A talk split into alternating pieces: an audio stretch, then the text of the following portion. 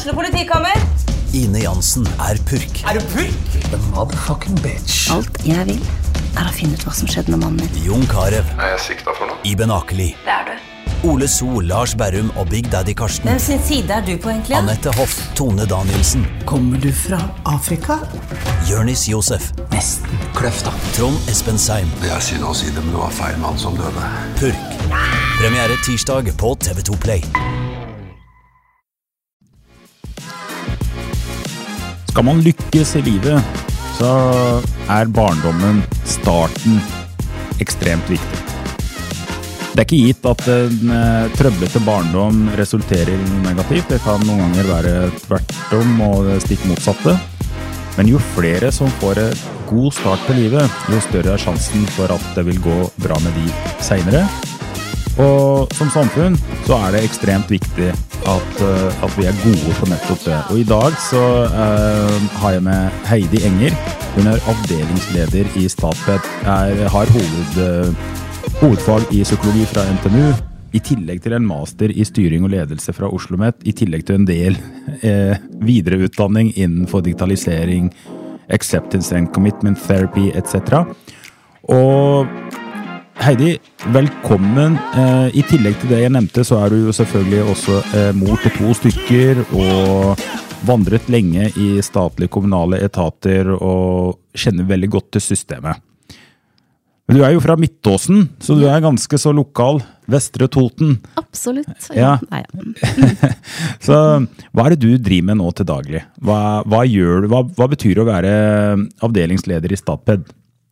Du, det er en ganske variert eh, jobb. Mm. Jeg er avdelingsleder for fagavdeling for ervervet hjerneskade. Mm. Så da har jeg ansatte fra Tromsø i nord til Kristiansand i sør. Ja. Så det går på daglig ledelse, følge opp det faglige, Mm. holde forelesninger, sånn som jeg gjorde i går på Blindern. ja. Eh, Søknadsbehandling, kommunikasjon med PPT, som Mm. er egentlig vår oppdragsgiver. Ja. Så er vi inne i omstilling, så jeg jobber mye med endringsledelse. ja. Så ja. Så du jobber mye med selve organisasjoner og apparatet som skal gjøre oss bedre rusta til å ta vare på våre unge i samfunnet. Og mm, jeg, jeg gleder meg veldig mye, for i den podkasten så snakker vi veldig mye med mm, mennesker om hva er det de tinga som skal til for at du som individ skal lykkes. Og, og det å lykkes er jo ofte knytta til hvor, hvor bra det går med hele familien, og ikke med deg bare som person. Og det kan være besteforeldre som øh, bryr seg om barnebarn. Og dette kan vi jo bare skjønke opp i dimensjoner.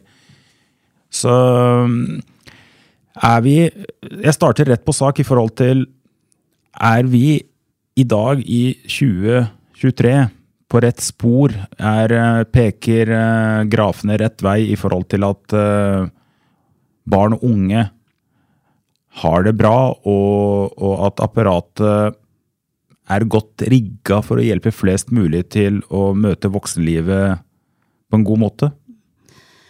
Mange ting går i positiv retning, men vi ser også et økende utenforskap og et økt skolefravær hos elever generelt. Ja. Det gjør vi, så det er jo et, en stor samfunnsutfordring. Mm. Frafall fra videregående. Jeg tenker at vi går glipp av mange hender i samfunnet ved at vi ikke klarer å fange opp eh, godt nok og forebygge godt nok vanskeutvikling. Da. Mm. Og er dette en utvikling som vi ser i Norge Mm, altså vi, Jeg er helt sikker på at dere sammenligner dette her i forhold til våre naboland. og Er, er Norge bra da, sammenlignet med andre relevante benchmark, eller hvordan gjør vi det? Jeg tror ikke vi gjør det dårligere enn andre land, men eh, i hvert fall så ser vi her at uh, stadig flere, og ikke minst jenter, de får et økende skolefravær. Så ser vi at uh, vi kan oppdage mange barn i barnehagen, men eh, allikevel så klarer vi ikke godt nok å forebygge det frafall, eksempelvis da, fra videregående. Ja.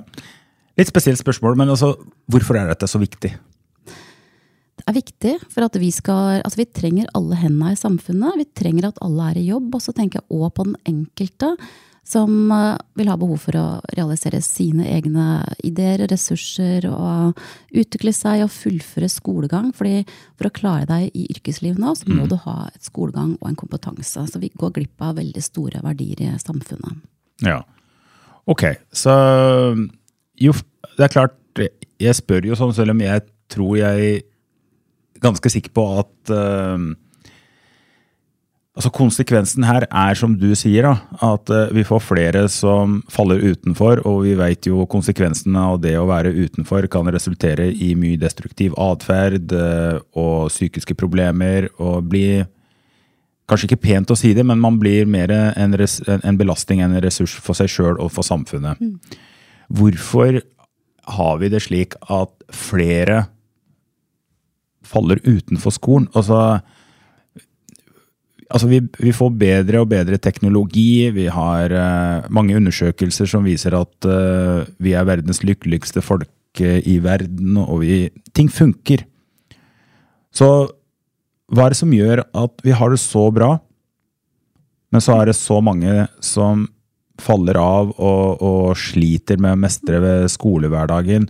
Og vi må bare altså Den gruppen vi snakker om altså det, Vi snakker om alle barn og unge. Vi. vi. Vi, snakker ikke om de som nødvendigvis har veldig sånne synlige eh, ja, uh, vet ikke, Synlig negativ, destruktiv atferd eller, eh, eller uh, hva skal jeg si, skader som gjør at oi, dette skjønner vi er sånn. Altså, det kan være barn og unge som vi tror er sunne og friske, men som sliter mer enn det vi tror. Absolutt. Jeg tror at det er noe med forventninger, forventningspress til dagens ungdom. Eh, Og du skal være perfekt. Og vi så jo for ti år tilbake så hadde barn og unge en positiv helseutvikling. Positiv helseutvikling. Men så fikk vi Instagram, Snapchat. Vi har fått en, en skjermbruk som har erstatta veldig mye annen aktivitet hos barn og unge. Og det kan være én forklaringsfaktor. Så er det så mye du skal mestre i skolen i dag. Det er store kompetansekrav, krav til egentlig helse, initiativ. Altså Vi har fått et samfunn som stiller mye mer krav tror jeg, enn det som det var før. For Da kunne du ha en vanske og klare deg ut i arbeidslivet likevel. Men når jeg snakker med noen jeg kjenner som er betydelig eldre enn meg, så sier de at eh, skolen har blitt en lekeplass. Og, og vi, vi må stille mer krav, og de sammenligner gjerne med kanskje britiske skoler eller andre steder. Så jeg, for meg nå så blir det litt sånn et lite gap som ikke jeg forstår meg godt på. Altså, Du sitter og sier at uh, det stilles mye krav. Men så er det veldig mye holdninger der ute om at skolen stiller ikke godt nok krav, det er ikke respekt til lærere, etc. Jeg mener motsatte. At det Ja. er mange krav i skolen. Og når det gjelder respekt for lærere, så tenker jeg at det handler òg om læreren sjøl. Og den eh, autoritative rollen læreren eh, bør ta i klasserommet. Så jeg tenker at det er litt for enkel forklaring om at alt var bedre før.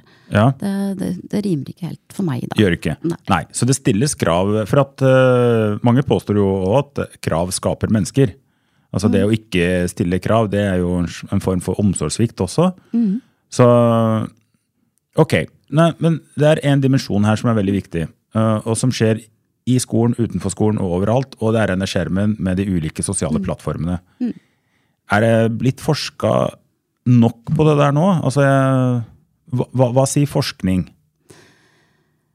Noen forskere peker i hvert fall på at eh, det blir for mye ensidig bruk av skjerm. Og så er det noen som mener i debatten at vi bruker for mye skjerm på skolen. Men det handler også, også om eh, hvordan du bruker en skjerm på skolen. Da. Så jeg er mer, altså, mer bekymret for det som foregår på fritida i forhold til eh, skjermbruk. Da. Hva, så, hva er det med den skjermbruken som, som ikke er bra?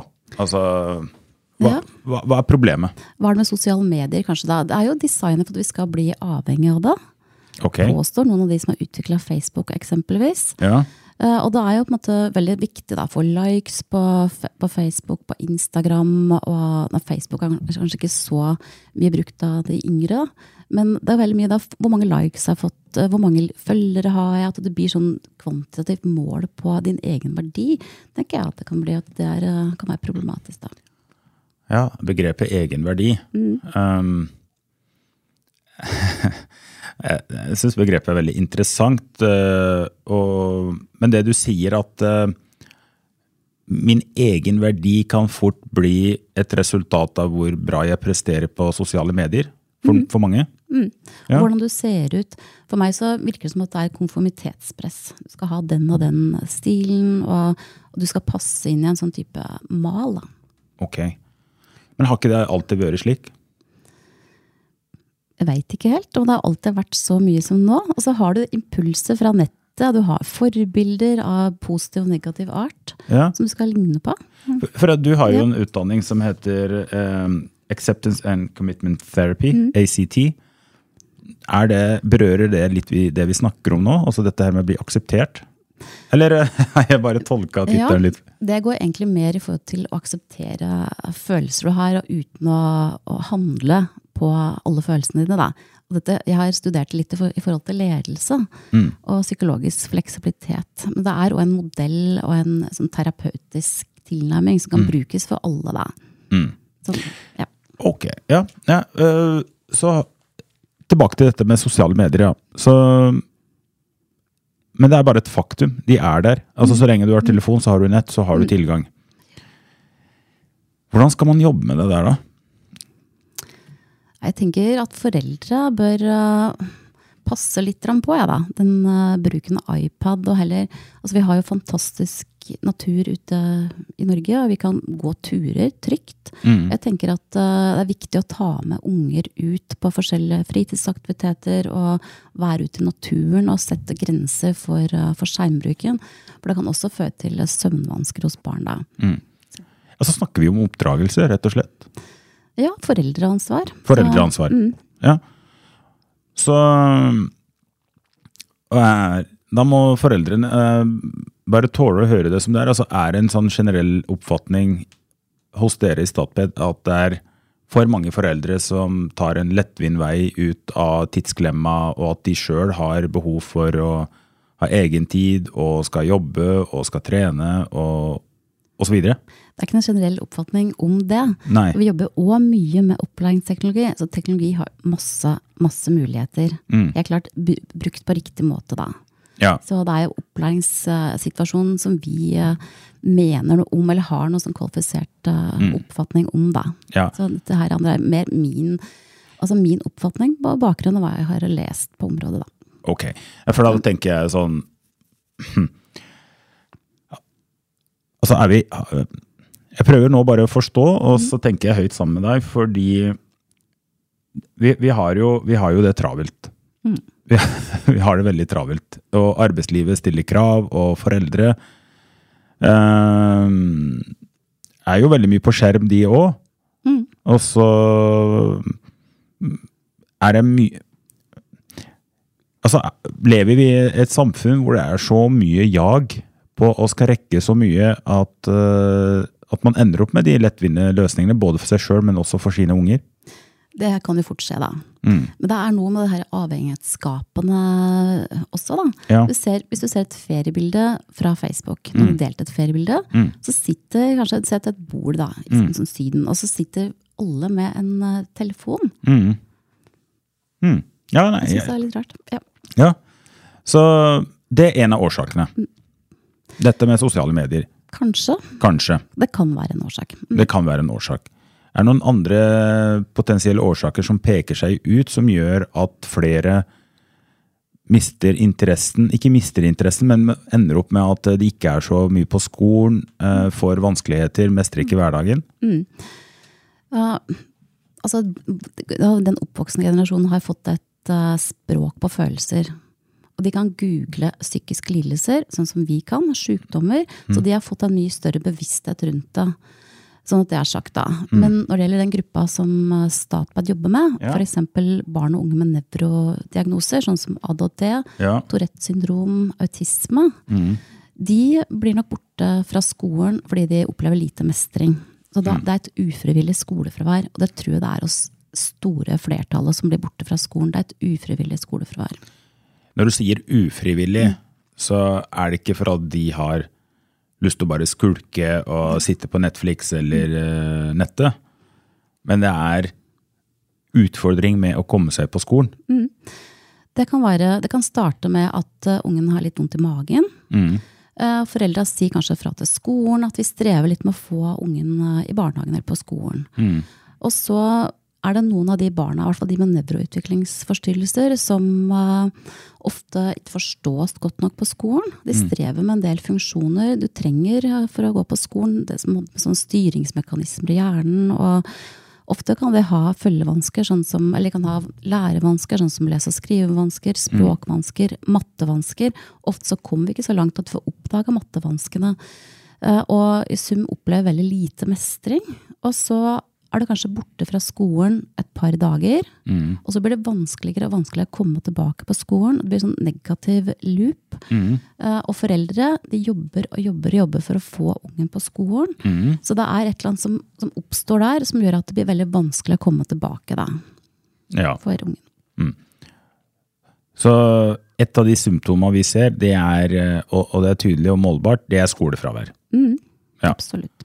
Og for den det gjelder, er det enklere da å ikke gå på skolen enn å prøve å bearbeide og, og møte alle de utfordringene de kjenner på.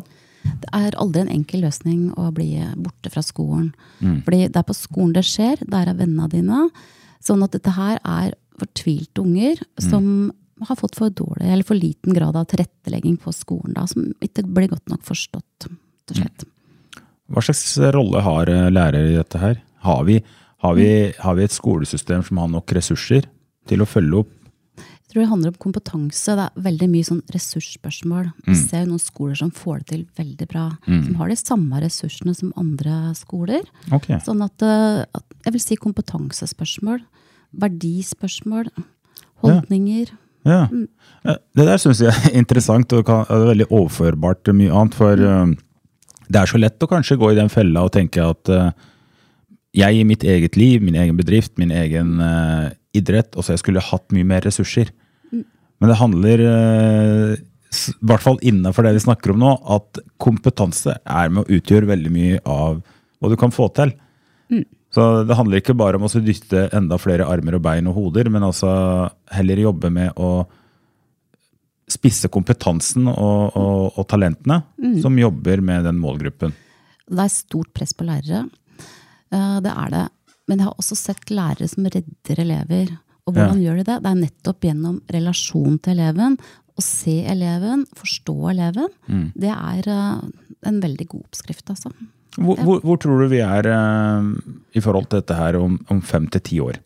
Tror du vi sitter her da og så møter på de samme utfordringene i mindre eller større grad? I hvert fall så har jeg vært og sett på noen skoler som har et stort mangfold i elevene, og som klarer å gjøre så gode tilpasninger. Og de jobber masse digitalt òg. Altså, jeg, jeg har sett så mange gode eksempler på det. Så jeg håper at vi nå kan ruste kommunene og ruste kompetansen ute i kommunene på en måte som gjør at de kan jobbe både forebyggende og gi gode opplæringstilbud. Så får vi en eh, ny opplæringslov nå neste år. Jeg tror at den også kan få betydning, da. Du jobber mye med ledelse, Heidi. Og um, hva, hva er det som er overførbart ifra det du jobber med til daglig og utdannet innafor, som enkeltindivider og, og foreldre kan dra nytte av, både for å, å få familien til å fungere, men også selvfølgelig deres barn til å mestre skolehverdagen, mestre barndommen? Jeg er veldig opptatt av positiv psykologi. Og det med gode relasjoner. Se, anerkjenne. Og være en sånn utviklingsstøtte, da. Selv om er, altså uansett om det er voksne eller barn. Da, at du lager god stillaser rundt og virkelig dyrker fram eh, de gode sidene, da. Ok. Og da beveger vi oss på noe som interesserer meg veldig. For dette her med Det er ikke så lenge siden jeg hadde podkastgjest hvor vi snakket om dette her med å følge barna sine eh, på trening og stå og se på dem trene. Og, og noen blir nesten mer engasjert i barnets eh, fritidsaktiviteter enn barnet. Altså Greit, vi, vi må se litt tilbake i tid. og så- for deg og sikkert flere i, i, i vår alder, så husker de at ok, man sykla til trening sjøl. Og det kan være snakk om fem kilometer, tre kilometer eller lenger. Og de dro på jobb, og, og, og, og de som på en måte var mye mer sjølgående, kanskje. Og er ikke nødvendigvis tatt sånn veldig mye skade. Det kan ikke være litt farlig at vi som foreldre nå skal kjøre unga og på en måte forberede verdens beste bursdag og, og, og være sjåfør for dem og sine venner. Altså, nå, nå er det litt sånn flåsete sagt fra min side, men jeg må bare for å sette det i perspektiv. da. At vi lager sånn curling-generasjon. Curling, ja, Ja. hva er curling-generasjon? Det er jo curlingprinsippet, da, at vi Ja. backer opp kanskje for mye, og understøtter for mye. Jeg er veldig, sånn som deg, jeg har også sykla fem kilometer ned til Raufoss for å være med på friidretten og Ja. så videre. Men øh, ja, jeg tror det er en balansegang. Det er klart at de øh, må ha et, en selvstendighet òg. Ja, fordi eh, er, Ja, de må ha en selvstendighet. Men hva, hva med robusthet? Altså hvor, for, eh, Hvordan skal de bli robuste nok til, eh, til å møte voksenlivet? Jeg tenker gjennom å ha en, en trygg og god oppvekst. Ja. Omsorgsfulle foreldre, empatiske foreldre, at en jobber med å få en trygg tilknytning da. Og Det ligger jo grunnlag for den tilknytningen du får til mennesker øh, som voksen. Ok, så hvis eh, jeg forstår deg rett, da, så handler det veldig mye om å ha en god relasjon i bånd. Altså at barnet er trygg på at uh, voksenrollene rundt seg vil dem godt, støtter dem, men samtidig gir dem nok rom til å teste og feile. Men Trygghet og grenser. trygghet og grenser. Hva med krav, da? Selvsagt og krav. Og krav. Ja. Og jobbe fram selvtillit og, og tiltro til egen mestring hos ungen. Tror du mange foreldre sliter med å finne den balansen da? Det kan jo hende at det, Ja. det kommer litt, også litt an på hvordan du sjøl har øh, vokst opp, da. Så, Ja. mm. Men jeg tror at øh, foreldre kan lykkes godt i det. det Ja. Ja. Nå er det eh, Ja, kanskje litt sånn avhengig også hvor bra det står til med foreldrene. Om de har ett barn eller om de har fire. Og om de sliter litt sjøl eller ikke. Ja. Så Ja. Men ok, så her, her handler det om å finne sin egen balanse da, for hva, hva de mener er rett for barnet. Og så kanskje litt sånn kjenne barnet i forhold til hvor Det er stor forskjell på en tiåring og en annen tiåring. Det tror jeg kanskje er en viktig dimensjon i det hele, er det ikke? Absolutt. Man må jo møte ungen der øh, ungen er. Det er klart at oppdragelse, unge, Ingen unger oppdrar seg sjøl, så de trenger jo en oppdragelse. En god, et godt forbilde og tilstedeværende foreldre som kan sette grenser og se ungen og gi en god omsorg. Og, ja. Ja. Dette med forbilder. Eh, som regel så tenker jeg at forbilder, det altså Det er jo ikke det foreldrene sier og mener som blir viktigst, det er hva foreldrene gjør. Det er jo handlingene som, som barna sakte, men sikkert ser blir preget av. Eh, så, så det tror jeg er viktig å minne lytterne på. Du kan jo mene mye og, og si mye, men, men du må liksom walk the talk. Da. Det, er der, eh, det er der læringen skjer. Og så er vi Åssen er det i samfunnet slik du ser det i dag, i forhold til eh, ja, rollemodeller eh, generelt, da? ja, jeg tenker at barn øh, har gode rollemodeller, men det er også noen rollemodeller i apropos sosiale medier som for meg fremstår som mindre gode. Ja. Det opplever jeg i hvert fall, da. Um, ok, så vi trenger bedre rollemodeller. Altså hvis, hvis du kunne ønske deg fem ting, da, som ikke nødvendigvis er realistisk å få til, men som du tror hadde hjulpet vårt samfunn veldig. Jeg kunne ønske meg at uh, de barna da, som, og unge som har øh, store, komplekse vansker og behov, at de ble møtt med riktig kompetanse i skolen. At det ble fanga opp tidlig i barnehagen. Vi kan se de unge her når de er sånn ca. to år. At vi hadde gode systemer som forebygga det her utenforskapet, og som øh, ja, sikra på en måte den opplæringssituasjonen og barnehagesituasjonen. Det kan jeg tenke meg. Og så at vi hadde altså, rom for å være litt mer den man er. At du ikke må inn i den her eh, type malen da, for å passe inn Ja. i det forventningspresset. Det var to ting, da. Mm. Du har jo tre til, du, hvis du vil det.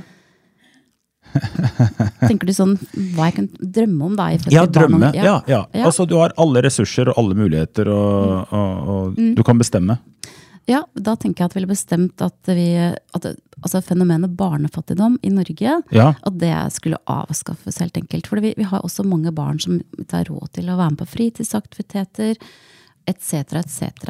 Jeg syns at det er veldig hjerteskjærende, egentlig. Så barnefattigdom i rike Norge, det syns jeg er uverdig. Ok, Er det det man kaller for sånn ekososiale eh, Ja, Ja. Så, så altså på en måte det, barnet har det ok, eh, Ja, men forutsett omgivelsene rundt gjør at de havner i utenforskap. jeg tenker at, eh, at foreldre mangler økonomiske midler. Det er et problem i Norge. For, for noen. Mm, Det er Ja, et økende problem. økende problem. Det er tre ting. Du har to ting til. Min, eh, ja, altså jeg skulle ønske det at eh, vi fikk kunne fange opp uh, veldig tidlig foreldre som strever med omsorg. da. Som kan ha en negativ eh, bakgrunn sjøl, en utrygg tilknytning. Som strever med å, å gi barna sine en trygg tilknytning. Riktig. Det At vi kunne jobbe mye forebyggende med det. da. Det ville vært veldig altså, krevende, men eh, det skulle jeg virkelig ønske. Det er også noe av det som jeg studerte i det, hovedfaget mitt, psykologi. Da, da fordypa meg i omsorgssvikt. da. Omsorgssvikt. Så, ja. Da snakker vi om å fange opp foreldre som, som svikter. Eh, og, og, og da handler det veldig mye om å fange opp det tidlig, ikke sant? Mm, veilede, støtte, Veilede. gi stillaser. Du må ikke, men du har en femte mulighet. Ja, det er et stort spørsmål. Hva kunne jeg ha drømt om uh, for barn og unge? Mm. Jeg skulle i hvert fall drømme om at alle da fikk en mulighet til å fullføre utdanningen sin. At ingen droppa ut, eller droppe ut er et dårlig begrep, at ingen uh, fikk fravær, og at vi fikk en sånn uh, mulighet for å fullføre utdanning. Sånn at det, ja, ingen skulle stoppe opp i, på videregående, for da, da har du som sagt veldig lite muligheter seinere i livet. Ja. Så ja. Og, og dette her med Jeg syns det, jeg synes det er veldig viktig og, og It makes sense, da, de, de, de fem poengene du kommer med. Og så noterer jeg meg dette her, eh, det med å passe inn. Det virker for meg som det er en slags uh, tittel på mange av problemene. Både for unge og voksne. Hva, hva er det som gjør at et menneske er så opptatt av å passe inn? Det har vel egentlig med at vi er uh, flokkdyr. Vi er redde for å bli utstøtt av flokken. Ja, Den, uh, kanskje det har rett og slett med litt biologi å gjøre. Det, ja, Ja. ja. For hvis det er greit for deg, så tenker jeg òg at øh, dette her er er det mange voksne som også sliter med. Og så, hva, hva skal man gjøre da? Altså hvis jeg da løper rundt og tenker at uh, fordi jeg driver med det ene eller det andre, eller har utdannet meg her eller der, så, så skal jeg passe inn i en viss gruppe. Og det plager meg da hvis jeg ikke passer inn. Og jeg gjør og jeg satser. Hvordan ville du ha, eh, hvordan du ha råda meg da? Altså, hva, hva tror du kan være noen gode mekanismer både barn og voksne bør ha med seg for å ikke slite seg ut mentalt med det jaget etter å skulle passe inn, og kanskje ikke bare passe inn, men det er òg noe med å ha lyst til å ta en posisjon i det domenet. Det høres banalt ut, da, men følg hjertet, ville jeg sagt da. Ja. Og den her fasaden og det materialistiske, er det det som gjør at uh, man blir lykkelig? Hva tror du blir, gjør oss lykkelige da? Nei, jeg tror det viktigste er å ha det bra med seg sjøl og føle at du får utfolde deg, mestre og trygghet, så klart. Ja. Så ja, det er rom for å være den man er, tenker jeg. ja. Så ja, det er det viktigste. Så må du så klart ha penger for å betale regninger osv. For det påvirker òg trivsel veldig negativt, så klart, hvis det er en utfordring. Men det aller viktigste er måte, å kunne være trygg og være seg sjøl, tenker jeg. Og, og for å komme dit, da altså det, For det er enkelt for noen å si 'bare vær deg sjøl'. Men så Hvordan er man seg sjøl, da? Det tror jeg den enkelte må svare på. Ja, altså, jo, ja. Vi må ha en raushet i samfunnet og akseptere at vi er forskjellige, tenker jeg er viktig. Så, Ja. ja. ja. Det ja. Nei, makes sense, da. å få satt ting i perspektiv. da. Altså, alle er forskjellige, jeg er forskjellig.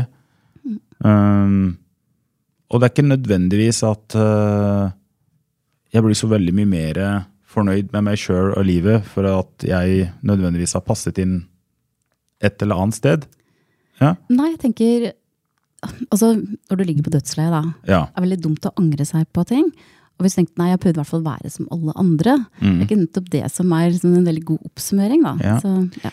Fordi eh, det er en studie som ikke jeg husker navnet på, men som har gått over flere generasjoner i USA.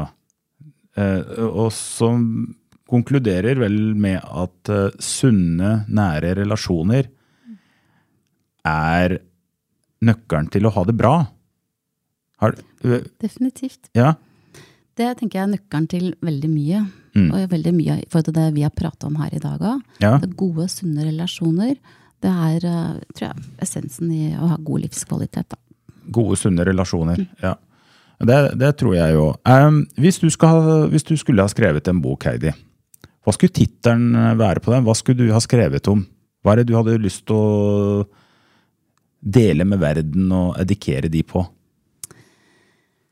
Tja, tenker du i sånn litt sånn større perspektiv, da? Fritt frem. Mm. Uh, akkurat nå så brenner jeg veldig for det fagfeltet Mm. som jeg leder i Statped, som er ervervet hjerneskade. Mm. Helt ærlig. Det er det som måtte falle meg først inn, da, som vi har pratet om litt, en- altså store spørsmål. Mm. Uh, fordi jeg ser at det mangler det veldig mye kunnskap ute i, i kommunene og i fylkeskommunene, så jeg skulle ønske at vi, eh, at vi kunne nå ut med mer eh, kompetanse på det området. For da kan vi gjenkjenne og oppdage flere av de vanskene, og nå flere av de eh, barna og elevene ute i skoler og barnehager. Det er på en måte en av de veldig viktigste sakene jeg tenker på akkurat nå. Ja. Så, men hvis jeg skulle skrive en sånn selvutviklingsbok eller noe, da, Ja. så må det jo være det å være sånn, tru mot hjertet sitt og, og gønne på å satse. Og, og unngå den derre tankespiralen som vi er i ofte. Og utsettelser og just do it, altså. Ja. Prøve å avvise litt de tankene som vi blir bombardert med hele tida, som stopper så mye. Og tanker er bare tanker. Jeg vil kanskje skrive en bok om noe sånn, da. Ikke, okay. Kanskje boka skal hete Ikke tenk. Nei da. Ikke Ja, tenk, gjør. Imperativ. Ja, men for mange så kan det jo virke ordentlig ukritisk, og at mm. det er eh, eh, Men da forstår jeg på deg. Altså, du, du mener da at eh, Du får korrigere meg jo, da. Men da mener du at eh, vi overtenker litt for mye eh, til tider, eller? I hvert fall sånn, i forhold til det personlige plan, da. Ja, ja. Tenker, altså, I forhold til jobb og sånn, da er ikke det mantraet der. Ikke Nei. tenk eh, så godt. Men i forhold til din egen altså, Så lenge du ikke hopper ut i sånne impulshandlinger som er Ja. skada Det er ikke det jeg tenker på. Jeg tenker Nei. på å utvikle en ting for deg sjøl, da. Ja. At du fordi vi har så mye sånn, ofte da, litt sånn negative tanker. 'Å nei, det er for vanskelig', og Mm. etc., etc. Så jeg tenker Det er et dårlig utgangspunkt for å oppnå noe, i hvert fall hvis du har lyst til å satse på noe i privatlivet ditt. da. Ja, For jeg husker han eh, Wilhelmsen, han med hypokonderklinikken i Bergen, han eh, var svært opptatt av at eh, våre, våre fantasier for hva som kan skje, er som regel mye tyngre og verre enn når de faktisk skjer. Altså Kan du relatere deg til det? Er det Ja da, absolutt. Det jeg for meg. Man kan se for seg noen voldsomme utfall. Og ja, ingen vil bli utstøtt resten av livet. Ja. Og, altså, sånn Ja. helt. sånn Man må tenke sånn 'nobody dies'. egentlig. Nobody dies, ja. Vet du hva, det, det tenker jeg er en eh, eh, Har du noe mer på hjertet før vi runder av, eh, Heidi? Nå er det et spørsmål du tenkte Eiman Ayman Burra stilt, som du er villig til å svare på?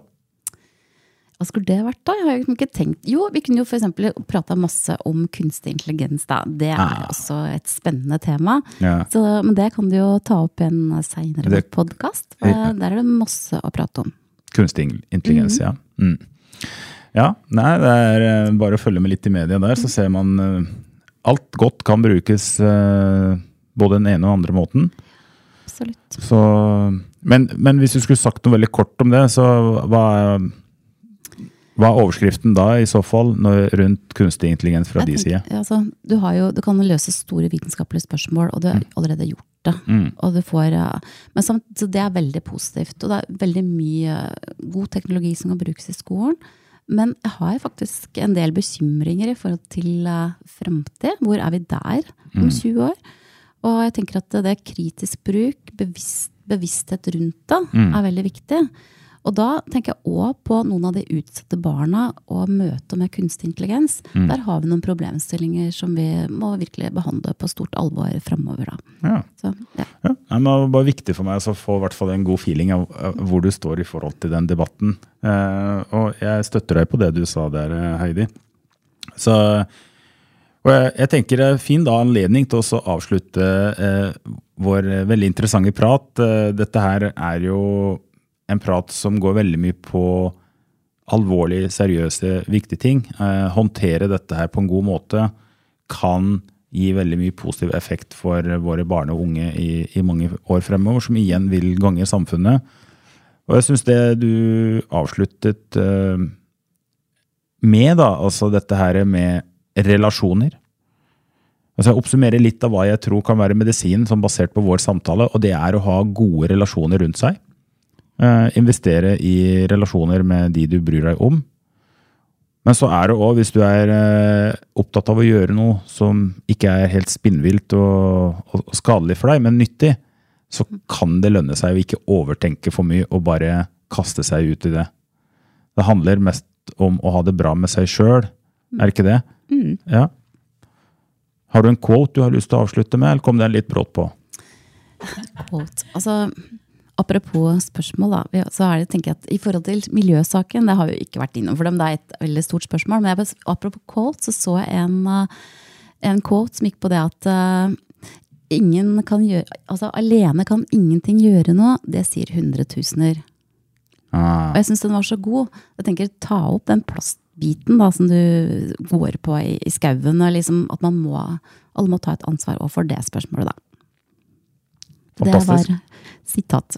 Ja, Ja. jeg er veldig happy for den, og tenker jeg, da er det med, det sagt, så sier jeg tusen takk, Heidi, og virkelig artig. Lykke til videre med det viktige bidraget og jobben du gjør for uh, våre unge og barn og, og samfunnet generelt. Tusen takk, og takk for invitasjonen. Bare.